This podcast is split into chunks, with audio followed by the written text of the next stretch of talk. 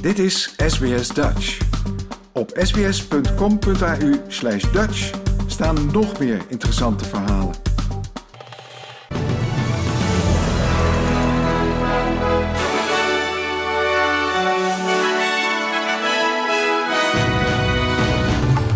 Dit zijn de headlines van het SBS Dutch nieuwsbulletin van woensdag 28 juni. Rapport adviseert band op advertenties voor online gokken. Vier mensen omgekomen door Russische raketaanval in Oekraïne.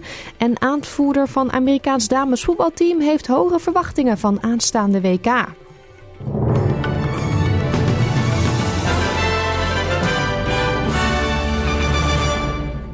Een parlementair onderzoek heeft aanbevolen hard op te treden tegen advertenties voor online gokken.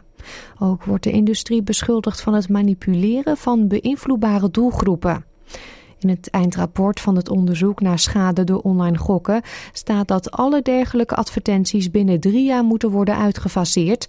Te beginnen met een verbod op reclames tijdens school drop-off en pick-up tijden.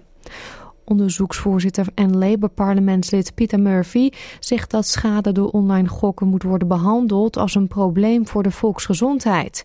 Ze zegt dat gokadvertenties riskante gedrag onder jongeren en kinderen aanmoedigen. Minister van Sociale Zaken Amanda Rishworth zegt dat de regering de aanbevelingen van het onderzoek nauw zal overwegen. Premier Anthony Albanese heeft de beweringen van coalitieleider Peter Dutton dat de tussentijdse verkiezingen in Fedden een volmacht zullen zijn voor het komende referendum over een Indigenous Force to Parliament gebagatelliseerd. Dutton deed de uitspraak naar aanleiding van de start van de Tizia Del Fabro's campagne voor de zetel van Fedden aan de Gold Coast. Albanese zei bij ABC Radio Gold Coast dat de heer Dutton verdeeldheid zaaiend figuur blijft en dat hij zelf een bron van positieve verandering wil zijn. Once again, Peter Dutton seeking to divide. Uh, the voice should be a moment of national unity. It's about two things and two things only. It's about recognition of Indigenous Australians in our nation's founding document, our constitution, and it's about consulting Indigenous Australians through a voice on matters that affect them. Volgens het kantoor van de openbare aanklager van de regio Donetsk in Oekraïne zijn gisteren tenminste vier mensen gedood en 42 anderen gewond geraakt, onder wie een baby van acht maanden oud, nadat Kramatorsk en een nabijgelegen dorp werden getroffen door Russische raketten. Onder de getroffen gebouwen bevond zich een populair restaurant in een druk winkelgebied in het stadscentrum. Een video die werd vrijgegeven door een man die zich haastte om overlevenden te hulp te schieten, toonde gewonden die werden bijgestaan en omstanders die puin verwijderden, terwijl ze zochten naar overlevenden die vermoedelijk vastzaten onder het puin. De aanval van dinsdag kwam precies één jaar na een raketaanval op een winkelcentrum in Kremenchuk, waarbij 21 doden en tientallen gewonden vielen. Nationaal Disability Insurance Scheme minister Bill Shorten heeft de oproep om eigen bijdrage in te voeren om de regeling duurzamer te maken afgewezen. Het komt na recente berichtgeving dat een grote provider die deelnemers aan de NDIS koppelde druk uitoefende op de regering om het voorstel te accepteren.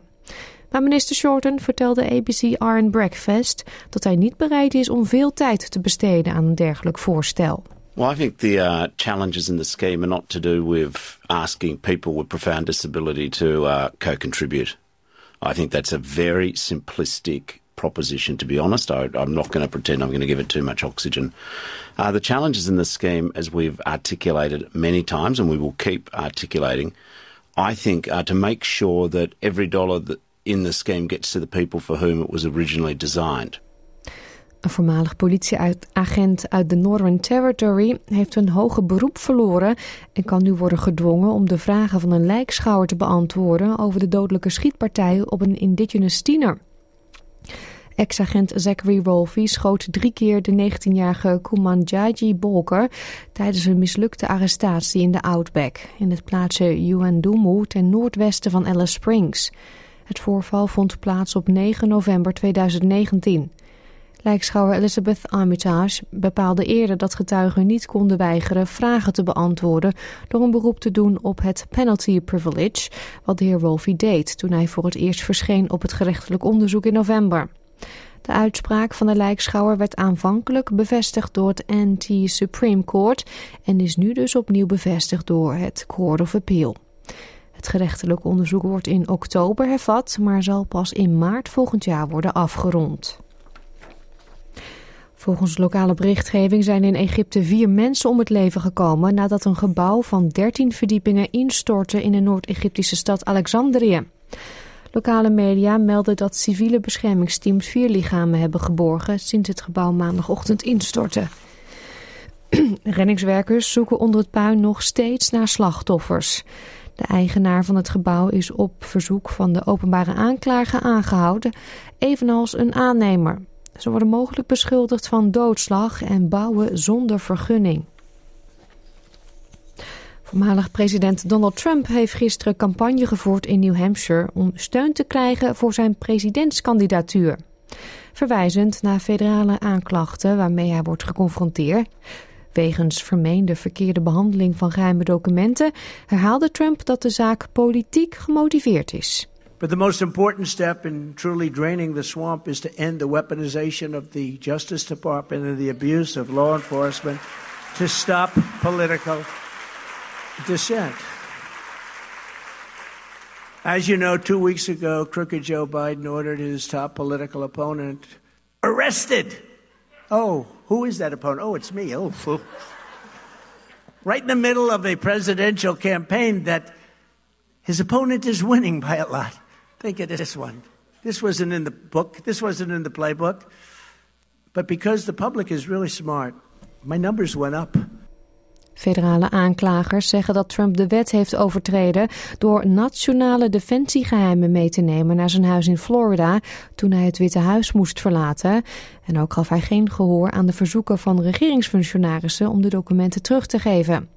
Ook zou hij een federaal onderzoek hebben belemmerd, wat hij ontkent. Voormalig president Trump heeft volgens verschillende peilingen een ruime voorsprong op zijn republikeinse rivalen die ook een gooi willen doen naar het presidentschap, inclusief de gouverneur van Florida Ron DeSantis. In Rome hebben toeristen het bericht Ivan plus Haley 23 in de muur van het Colosseum gekrast. Een andere toerist, Ryan Lutz uit Orange, California, filmde het incident en plaatste de video op YouTube en Reddit. De video werd meer dan 1500 keer bekeken op sociale media en werd opgepikt door Italiaanse media. Lutz, die twee maanden aan het backpacken is door Europa, vertelde gisteren aan de Associated Press dat hij stom verbaasd was dat iemand zo'n belangrijk monument zou bekladden. Uh, walking, see this person just blatantly carving his name. And, and uh, it's, graffiti is one thing, and I've seen people do it elsewhere in my travels here. But this is the Coliseum. This is someplace that I respect quite a bit. And so it was a no brainer. I just had to get a record of this at least. So whether or not you know I did anything with it, I wanted to you know just know that I saw this. De Amerikaanse voetballer Megan Rapinoe verwacht een grote verschuiving voor alle vrouwensporten na de FIFA Women's World Cup.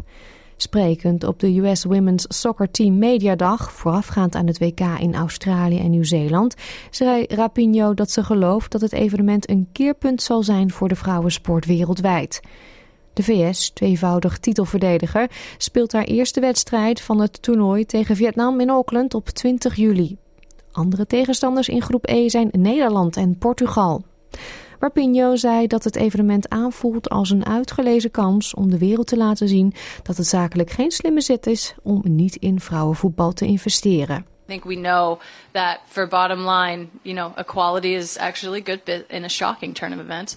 Equality is actually good for business, and uh, you know, I think that that's something special that the women's game has, and this feels like you know the sort of premier event. I mean, it's the biggest women's sporting event in the world by far.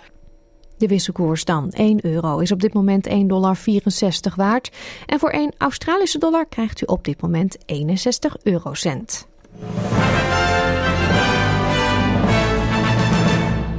Krijgt u nog het weerbericht voor vandaag. Het is op veel plaatsen grijs, maar niet in Perth. Daar is het overwegend zonnig bij 17 graden. Buien in Adelaide 15. Er trekken ook buien over in Melbourne 13. In Hobart kunnen een paar buien vallen 10 graden. Een paar buien ook in Canberra, 11. Hetzelfde geldt voor Wollongong, maar 15 graden. Sydney buien, 14. Ook in Newcastle buien 16. In Brisbane is het gedeeltelijk bewolkt 24. Kernsbewolking 29. Darwin kans op een bui 33. En in Alice Springs regen bij maximaal 17 graden. Dit was het SBS Dutch Nieuws.